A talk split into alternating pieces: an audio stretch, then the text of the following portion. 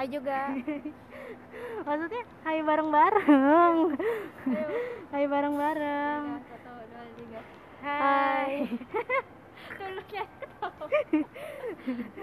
Iya, jadi di podcast ini, podcast perkenalan ini adalah podcast yang baru banget banget banget banget gua buat sama temen gua yang namanya Koma. Saya Koma. Eh pakai aja gue lu Iya. Eh, eh, sorry ya, kita baru belajar buat kayak gini, jadi agak ngomongnya agak belibet ya. Lancar. ya dan gua adalah Eka jadi pembawa acaranya itu namanya Eka sama Koma ya jangan lupa terus Bego. jadi untuk perkenalan ini tuh dari channel Struggles ini namanya kan Struggles. Dari kata struggles. Struggles. Yang arti Hmm, yang artinya tuh perjuangan berjuang.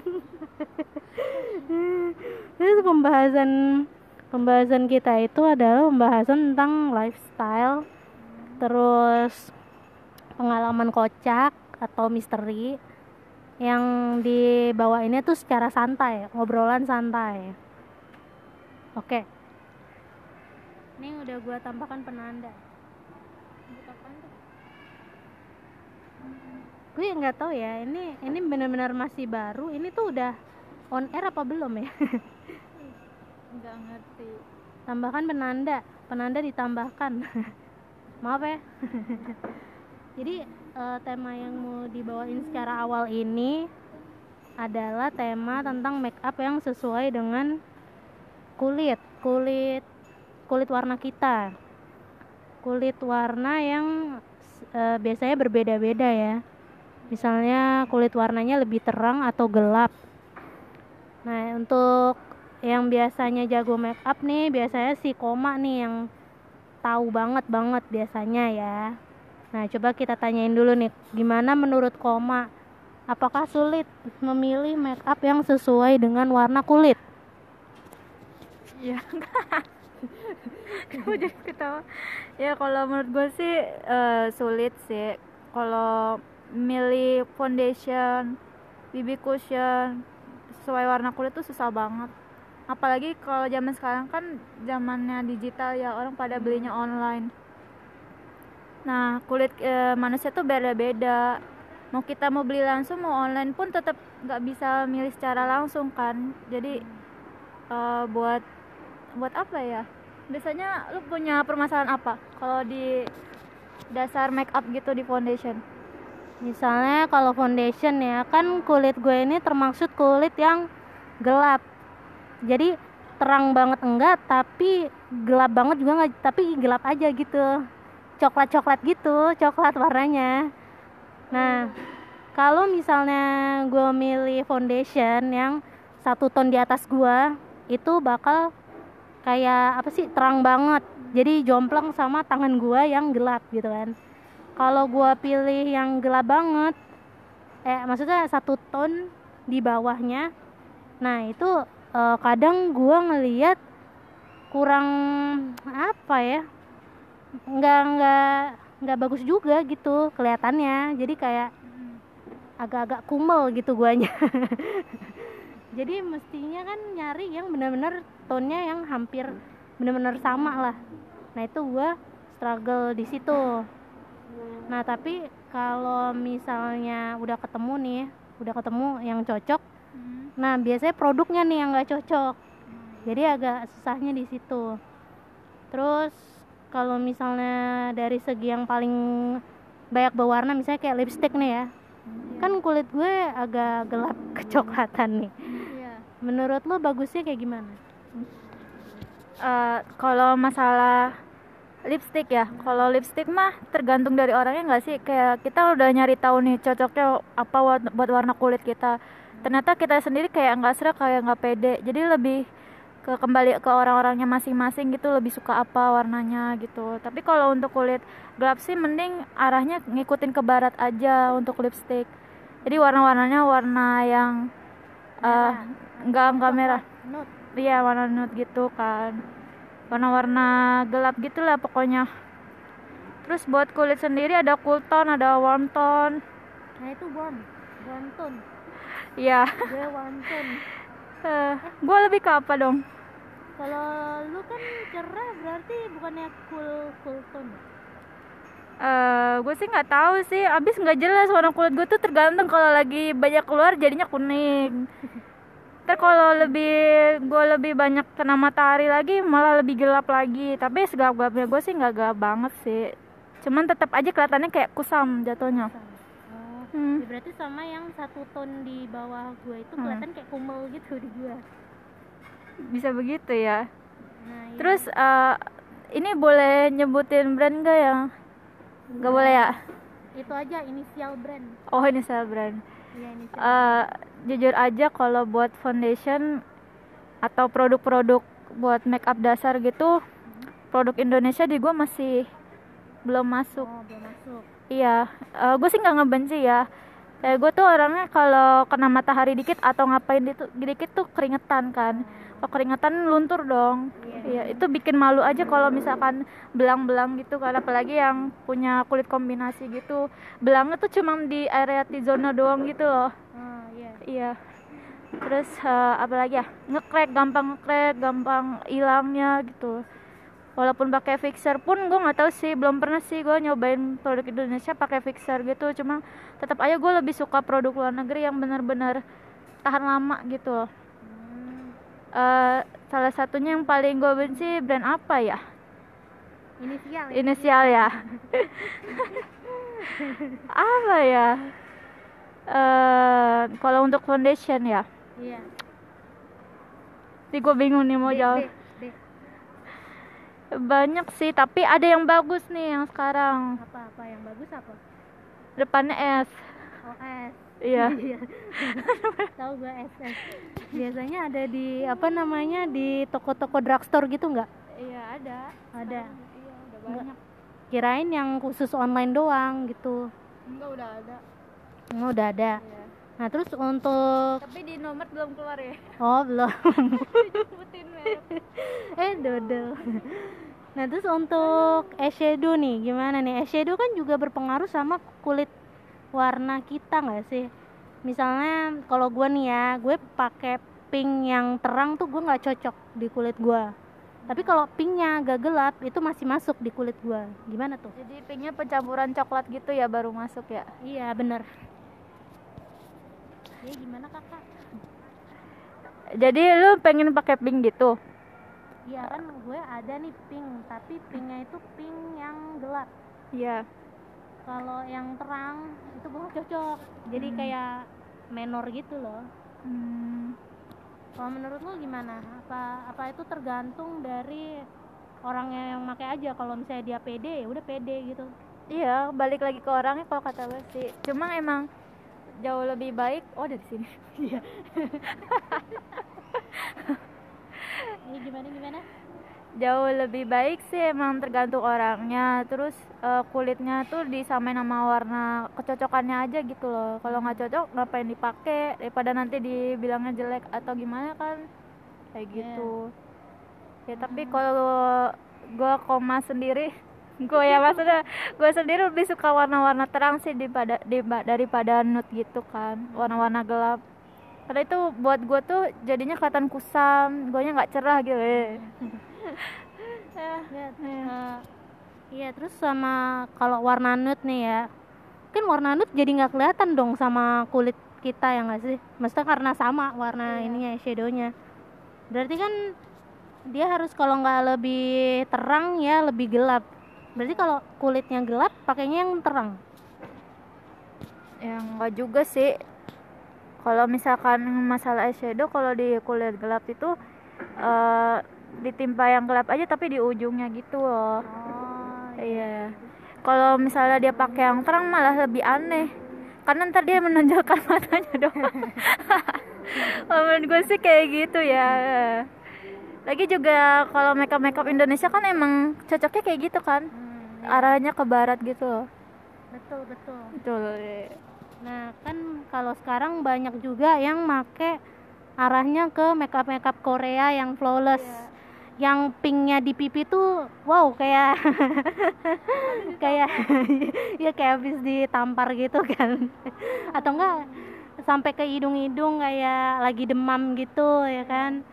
Nah kan kalau misalnya kulit kulitnya gelap juga maunya maunya tuh kayak gitu juga. Istilahnya flawless tapi juga nggak menor gitu Eh, nggak nggak nggak kayak orang demam gitu loh orang demam yang habis atau nggak ketampar-tampar on apa ngomongin hasil jadinya flawless gitu Oh ya hasil jadi kan itu tergantung ini kan eh, apa namanya foundation ya kan. iya Kalau yang merah-merah apa sih blush onnya itu yang buat peronanya. Nah itu kan tambahannya berarti kan perona itu istilahnya apa ya? Kalau di di barat tuh kebanyakan kan peronanya itu lebih ke warna nude nggak sih yang bikin muka tirus gitu-gitu kan? bronzer Bronzer. iya dia nyebutnya bronzer Oh berarti beda ya? Apa blush on sama bronzer itu beda? beda kalau menurut gue beda Oh, dia hampir sama kayak ini enggak sih kontur oh, contouring. Oh iya. Nah berarti tuh kalau kulit gelap yang ada di Indonesia itu lebih cocok mana nih bronzer atau blush on? Eh kalau menurut gue sih ya lihat warna kulitnya aduh jadi body shaming mulu jadi mikirin ini enggak sih perbedaan kulit aduh maaf ya takutnya sensitif kontennya nih aduh Enggak lah kan Eh, emang apa? kita tuh kan bermacam-macam warna kulitnya. Iya. Jadi eh, cari yang paling cocok aja gitu. Iya, kalau menurut gue sih eh, di era sekarang lebih suka ini gak sih make up ya hasil make up yang kayak Korea Koreaan gitu, yang natural tapi Hmm, kelihatannya iya. bagus, fresh, gitu kan. Pasti orang lebih milih pakai blush on walaupun kulitnya gelap. Padahal Iya. mah kalau kulitnya gelap mah kalau menurut gue sih nggak usah dipaksa pakai blush on gitu, Hmm. pakai bronzer. Jadinya kan kelihatannya bagus gitu loh. Ada efek 3D-nya sendiri kayak bagus aja gitu mukanya kalau Iya. dilihat kan. Eh, waktu gue lihat apa make up wedding pun ju- juga kayak gitu kok di Indonesia gitu. gue juga ngeliat ini kayak make up artis eh, asal-asalan ya, bukan asal-asalan sih. Ya dia nyebutnya make up artis lah ya. Iya. Dia tuh bener-bener maksa banget warna kulitnya tuh nggak masuk dia masuk masukin gitu. Jadi dempul banget warnanya putih banget. Sama dia ditambahin lagi eh, sama blush on sampai kayak abis ditampar gitu kan. Jadi tuh antara make upnya mata tuh make up barat. Terus kalau ah, lihat hasil jadinya sih maunya ke Korea. Jadi dia bilangnya natural tapi bener-bener kayak ngerti gak sih kayak Iya. menor banget gitu. Iya, gue juga ngerti terus harus bulu matanya Yang banyak. eh, eh. Oh iya soal eh Apa? soal bulu mata nih ya soal bulu mata. Kan ada pakai yang satu lapis bulu mata. Ah. Terus ada juga yang pakai dua lapis bulu mata. Itu gimana ya? Maksudnya emang sih ada yang emang pakai dua lapis jadinya bagus. Tapi ada juga yang pakai dua lapis hasilnya lebay gitu. Kayak berat banget kayak matanya gitu. Lu udah pernah nyobain belum kau dua lapis? Gue gue satu lapis aja udah berat apalagi dua gitu kan. Nah iya, gue juga nggak tahu. Mending eh, kalau itu nanya sama makeup artis yang buat khusus wedding gak sih? Oh itu ada yang nggak khusus wedding. Ada, Oh. ada yang nggak khusus wedding misalnya dia ngupload di apa channel channelnya sendiri gitu loh di TikTok atau di YouTube gitu. Apa jadinya? Lu nanyanya pra? Itu maksudnya menurut lo gimana kalau yang dua lapis gitu eh, sebenarnya perlu nggak sih? Eh, perlu nggak perlu sih tergantung make upnya kalau gue mah mikirnya make up semua orang tuh bagus kan. Kalau apalagi kalau emang dia skillnya di make up kan. Kalau misalkan masalah bulu mata satu apa dua penting nggak pentingnya tergantung tema make upnya. Kalau menurut gue kalau emang dia lebih suka smoky yang eh, matanya tuh bener-bener bloat gitu loh yang berat kelihatannya kayak tajam ya nggak masalah kalau pakai dua apa bulu mata. Iya. Kayak gitu sih. Ada juga malah yang nggak pakai apa-apa sama sekali kan. Oh iya, biasanya yang bulu matanya udah tebel. Nah jadi jadi kalau misalnya bulu matanya nggak kurang tebel gitu kan baru pakai apa bulu mata gitu kan. Nah terus selain tadi udah apa namanya udah foundation udah terus eyeshadow udah blush on udah lipstick udah menurut lo apa lagi nih yang belum kita bahas soalnya kalau eyeliner kan rata-rata pakainya kalau nggak coklat hitam. Alis juga gitu kalau nggak coklat ya hitam. Nyesuaiin warna rambut gitu kan. Eh, tapi di Korea kan punya tren sendiri kan. Gue salutnya tuh mereka tuh jadi trendsetter seluruh dunia gitu loh. Karena apa sih K-popnya itu ya? Iya Ya, dia tuh selalu ngikutin tema maunya tema apa apa salah lagi? Ah, ya. Eh, bahkan dia punya eyeliner yang warnanya batu bata gitu kayak terakota ya gitu. Eh, terus apa lagi? Eh, eyebrow-nya ada terus yang bahkan glitter, itu juga. Iya, dia juga lebih suka pakai itu karena pengen ada efek egyosalnya gitu loh, yang bawah kantung mata. Dia malah lebih suka nunjukin kantung mata karena menurut dia itu kayak imut gitu loh, jadinya kayak baby face. Padahal kalau di kita mah malahnya mau dihilangin ya sampai concealernya tuh numpuk banyak banget kan. Kayak gitu sih. tapi kan kalau aegyo itu kan imut-imut gitu kan padahal di Jepang juga ada istilahnya make up make up imut tau Iya. kan yang kayak Harajuku gitu yang versi imut-imutnya Iya. nah tapi tetap aja tekniknya itu kayaknya beda deh sama Korea ya nggak sih Iya, emang setiap negara punya teknik yang berbeda-beda gitu loh. Jadi gue tuh salutnya adalah make up di luar negeri tuh banyak banyak perbedaan sama kita juga gitu. Nah kita itu nggak pernah bisa bikin tren sendiri kalau menurut gue ya, karena kita kadang ngelihat ke barat, kadang ngelihat gue sih nggak tahu ya. Ini kayak ngeliat India gitu, tapi gue ngerasa kayak ngeliat India juga.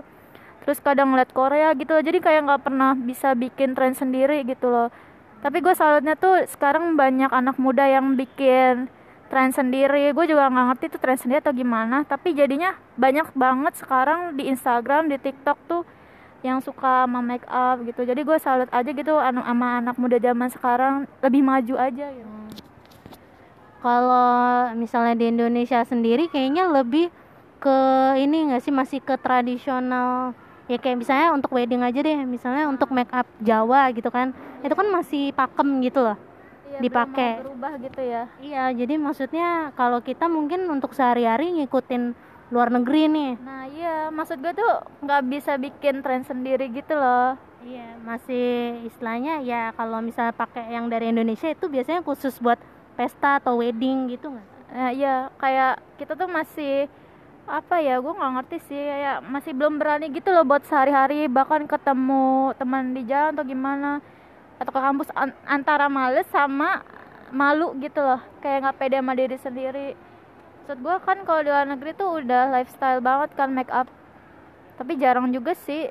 Tapi ada juga sih. Maksud gue tuh gimana ya? Gimana caranya tuh kita bisa punya tren sendiri sih. Gue pengennya kayak gitu. Oh iya, misalnya gini aja, misalnya kita ngetren pakai eh, eyeshadow-nya dari batu arang gitu, batu arang. batu arang jadi smoky eye tapi dari batu arang. Sama aja ya itu ngikutin barat juga, cuma ininya aja ya, bendanya yang beda ya. Ya berarti kan eh, ini juga ya tergantung musim juga nggak sih kalau misalnya make up tuh kan di Indonesia itu kan panas sama hujan doang kan tropis gitu jadi mungkin uh, make up make upnya itu juga nggak bisa yang gimana ya kalau luar negeri kan ma- eh, ada empat empat musim atau enggak yang istilahnya? Mereka ini ya keren sendiri ya jadi punya tema-temanya sendiri Iya, bahkan di fashion ya. Iya benar. Jadi kalau misalnya panas ya panas buat Iya. kalau kita kan ya panas ya dingin gitu. Ya panas ya hujan udah gitu-gitu aja. Ya gitu. Jadi ya cepat lembabnya cepat lunturnya tapi juga kalau dingin itu pun karena hujan ya kan? Ya Eh, kalau gue dapat kenalan dari teman gue maksudnya bukan kenalan sih dari omongan dari teman-teman gue rata-rata eh, orang muda Indonesia tuh sukanya pakai skincare. Jadi ngutamain skincare sekarang zamannya dibanding make up. Gitu sih. Oh jadi emang lebih ke skincare ya daripada make up. Jadi biar nggak usah repot-repot pakai make up keluar gitu. Iya. Terus gue bingungnya adalah makin banyak brand-brand Indonesia yang keluar tapi ada yang bagus ada yang enggak gitu loh. Jadi kenapa harus maksain sih yang nggak bagus gitu loh mending lu pelan-pelan aja gitu jangan langsung keluar atau ngeluarin banyak produk. Banyak kan yang kayak gitu lu ngerasa gak sih? Yang produk-produk skincare itu yang lokal atau? Iya skincare sama make up Indonesia gitu loh. Iya, menurut gue emang ada yang bagus nih, tapi ada juga yang enggak karena udah terbukti waktu itu pernah sempat kena ciduk tau gak sih? Yang di berita yang soal masker. Ah, yang dari tepung beras itu. oh yang itu. Iya gue kaget banget ih. Bukannya itu apa ya terkenal di TikTok ya? Maksudnya kayak kayak masker masker yang kayak gitu gitu loh. Itu emang awalnya dari TikTok, tapi kan terus banyak yang istilahnya ngambil buat jadi reseller tuh. Nah, terus eh, kebukti gitu loh pas ada penggerbekan gitu.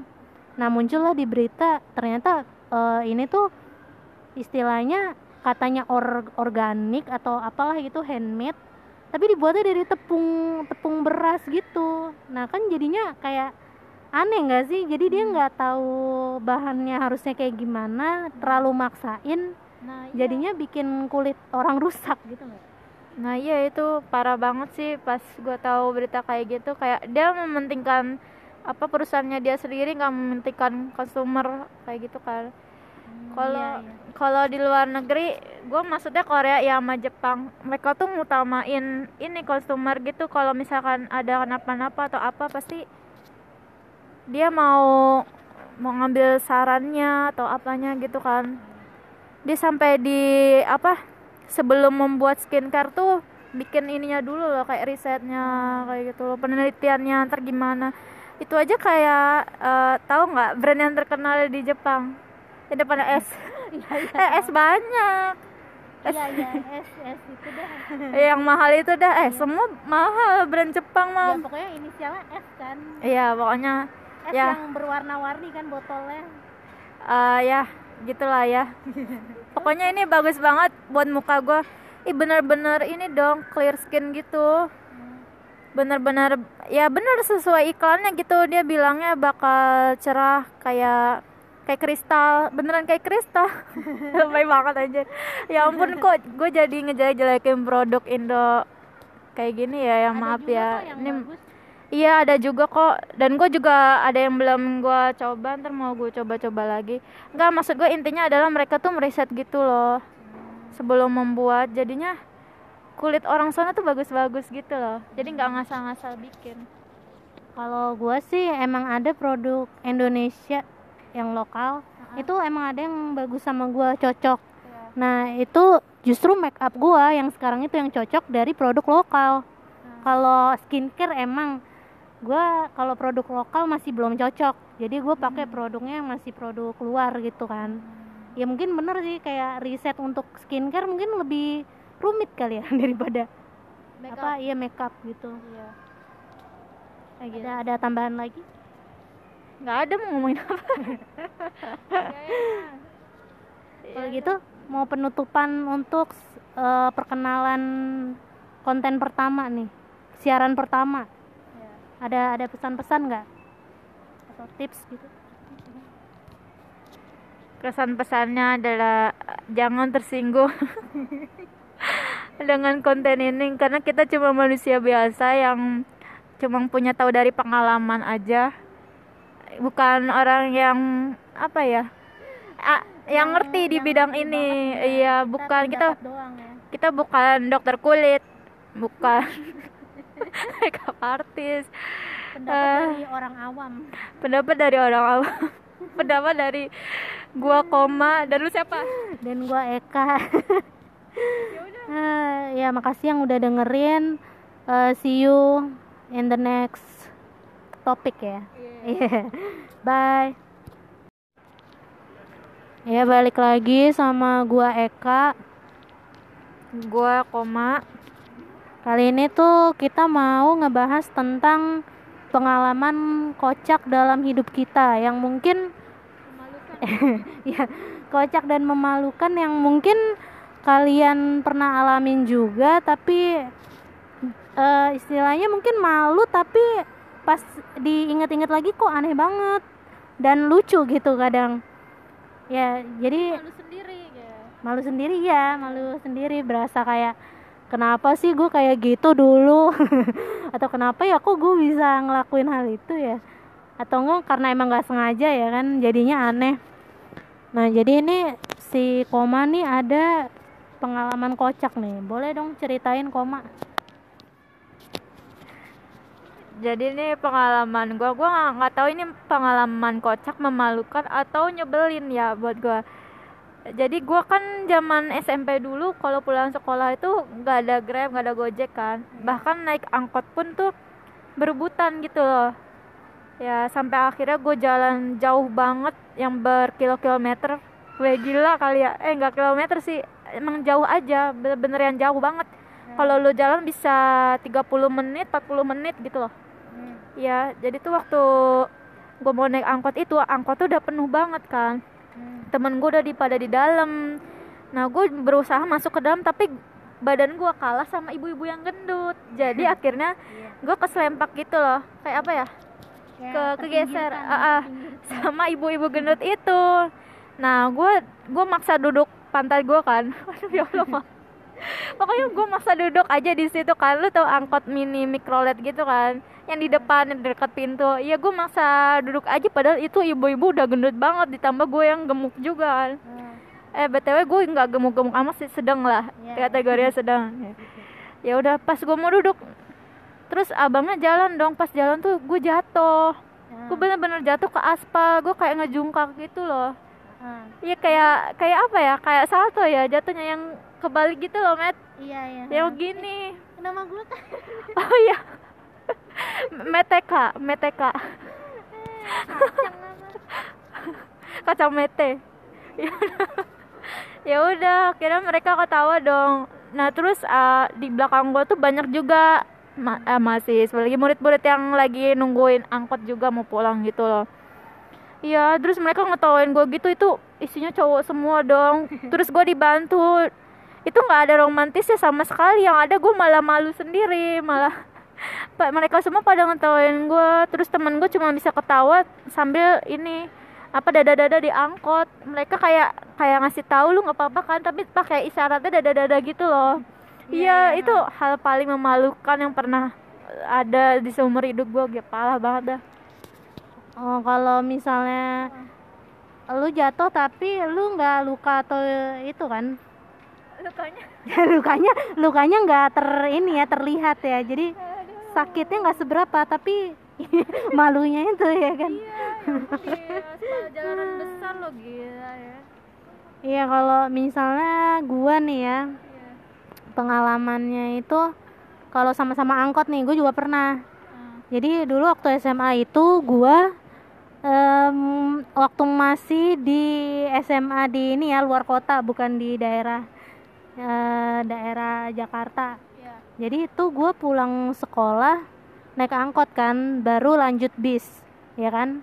Nah gue tuh pas pulang naik angkot itu gue tuh lagi capek banget kayaknya lagi lagi bener-bener capek. Jadi kayak sekitaran gue tuh gue kayak eh, pikirnya tuh pokoknya gue pulang gue mau tidur gue mau apa sih ngaso kayak gitulah nah gue gue ini dong. Gue tuh udah siap-siapin nih. Pokoknya duit yang buat naik angkot buat naik bis tuh udah gue pisahin lah pokoknya. Nah tapi di angkot ini kan banyak pengamen ya. Iya. nah pengamen ini nih eh, masuk anak-anak gitu. Jadi sambil duduk di pintu gue tuh sambil ngeliatin jalan kan nah si pengamennya ya udah nyanyi nyanyi tuh nyanyi nyanyi nah pas udah nyanyi nyanyi gitu eh, udah mau sampai tuh di, di tempat deket bis. Udah sampai di tempat de- deket bis nah gue bilang kan bang kiri bang. Gitu. Gue bilang bang kiri. Nah terus gue gue tuh malah ngasih duit ke pengamen bukan ke abang angkotnya. Nah jadi gue pas ngasih uang ke pengamen itu gue nggak sadar kalau gue belum bayar angkot. Jadi pas gue udah turun gue jalan nah si abangnya tuh manggil gue tapi gue kayak apaan sih kan gue udah bayar? Tapi bayar ke pengamen. Bayarnya ke pengamen. Iya dan gue tuh belum sadar. Jadi pas yang abangnya manggil tuh gue belum sadar. Karena gue pikir gue kan udah bayar kenapa gue dipanggil panggil gitu kan. Nah terus baru pas gue udah bayar buat naik bis gue duduk kan. Terus gue mikir kenapa sih abangnya tadi ya manggil-manggil gue gitu kan. Terus gue inget-inget oh iya juga ya gue kan ngasih duitnya ke pengamen bukan yang ke abangnya. Berarti gue belum bayar angkotnya ya ampun. Aduh maaf banget bang. Maaf banget. Jadi nggak sengaja ya ini nggak sengaja. iya akhirnya gue nggak bayar angkot tapi gue malu. Malu juga sih maksudnya kayak merasa benar gue udah ini tapi ternyata enggak gitu. Gue salah. Maaf banget ya abang angkot yang pernah gue iniin. Gue utangin atau istilahnya gue lupa ya bang. Maaf bang. Itu ada lagi nggak pengalaman? Aduh gue lupa lupa ingat lagi. Pengalaman apa nih? Eh, apa gitu? Mungkin lo pernah kejebur ke sungai. Langka nggak sampai kayak gitu. Oh pengalamannya aja deh yang di sekolah nah ya masih ada lagi tapi ini waktu di SMK jadi gue tuh termasuk antara rajin dan gak rajin gitu loh buat ngerjain PR nah gue udah ngerjain PR bahasa Inggris nih. Tapi gue nggak tahu kenapa gue ikut-ikutan di ini loh disuruh ke depan. Oh iya iya. Iya jadi yang suruh ke depan papan tulis itu yang nggak ngerjain PR Oh. dan kita tuh yang nggak ngerjain PR tuh digebukin pakai buku paket. Buku apa sih namanya? buku eh, eh, buku buku ini loh yang tebel tebel banget. iya. Kepala dipukulin ini pak pak pak pak gitu kan. Gue nggak ngerti. Gue udah ngejelasin ke guru gue tuh. Gue giniin kan pak saya beneran udah ngerjain tau dulu pak. Jadi bapak itu nggak sabaran saking keselnya tuh karena gue meja depan kan. Jadi kayak nggak didengar gitu loh. Jadi anak-anak tuh pada diem kalau pas ditanyain kalian udah ngerjain PR belum? Gitu loh ceritanya kan mas masuk "Eh, kamu berdiri kamu berdiri. Jadi gitu tanpa tahu aslinya gimana kan padahal gue, gue udah ngerjain gue malah dipukul pakai buku paket. Ya udahlah kayak kayak gitu. Jadi intinya itu kayak antara memalukan dan ngeselin sih. Ngerti kan? Lu udah rajin-rajin ngerjain tiba-tiba lu dipukul aja. Ya, di depan kelas. Ih ya udahlah ya gitu sih. Gue ingetnya itu. Iya, gue juga pernah merasakan sih kayak gitu kayak kita udah usaha nih, tapi Hmm. Ya udah ada aja yang salah ya kan? Iya, nah eh, tapi bapak itu kagak minta maaf sama gua, kayak udah biasa kayak nggak ngerasain apa-apa, kayak dia nggak punya salah gitu loh. ya kan guru emang ini kan, maksudnya eh, mem- mendidik kita, mendidik kita. Jadi kita tuh harus belajar. Kasihan pala gue. Eh, kalau gua apa ya sebenarnya gua waktu kalau waktu kecil juga banyak sih.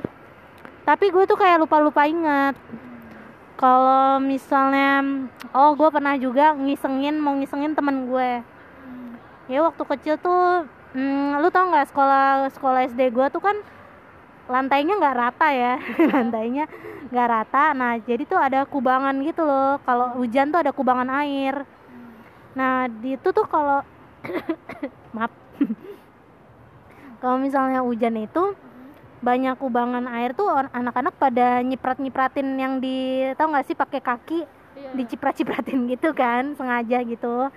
Nah gue tuh ikut-ikutan main ciprat-cipratin gitu. Saking senengnya ngisengin apa teman-teman gue gitu nyipratin pakai kaki itu gue terlalu bersemangat kayaknya. Nah su- suatu satu pas gue lagi ke kubangan yang besar itu maaf ya gue batuk. Tapi gue pakai masker kok. Nih, jadi jangan-jangan. jadi pas gua udah dapat kubangan yang besar gua mau ngisengin temen kepleset. iya gua kepleset. Kaki gua tiba-tiba ngerti ya kalau udah nyentuh lantai kan harusnya Iya. pakem gitu kan. Ini enggak gua langsung merosot gitu. Gua merosot. Gua udah ketawain sama teman-teman gua, gua malu lah sakitnya nggak seberapa malunya itu Iya. Jadi memalukan sama hal yang nyebelin hampir sama ya. ya sakitnya sakitnya sakitnya di dalam nggak berdarah Nah makanya jadi kayak nggak peduli mau itu apa biru mau sakit mau apa tapi mikirnya malunya ya. Iya benar. Ya malunya. Terus ada lagi nggak pengalaman pengalaman lu pas mungkin yang saat ini yang baru terjadi sebenarnya eh, mungkin lu juga banyak tapi lu lupa Iya, gue lupa. Padahal itu selalu gue ingat, tapi kadang nggak gue inget gitu kayak, yaudah sih lupain aja gitu. jangan dilupain dong kan siapa tahu lucu terus lu mengenang gitu ya ampun konyolnya gue gitu ya terlalu banyak kekonyolan di hidup gue ya yeah. Oke, kalau misalnya nanti kita ingat lagi nih kekonyolan apa lagi yang pernah kita buat, nanti kita share lagi nih di podcastnya, oke? Bye.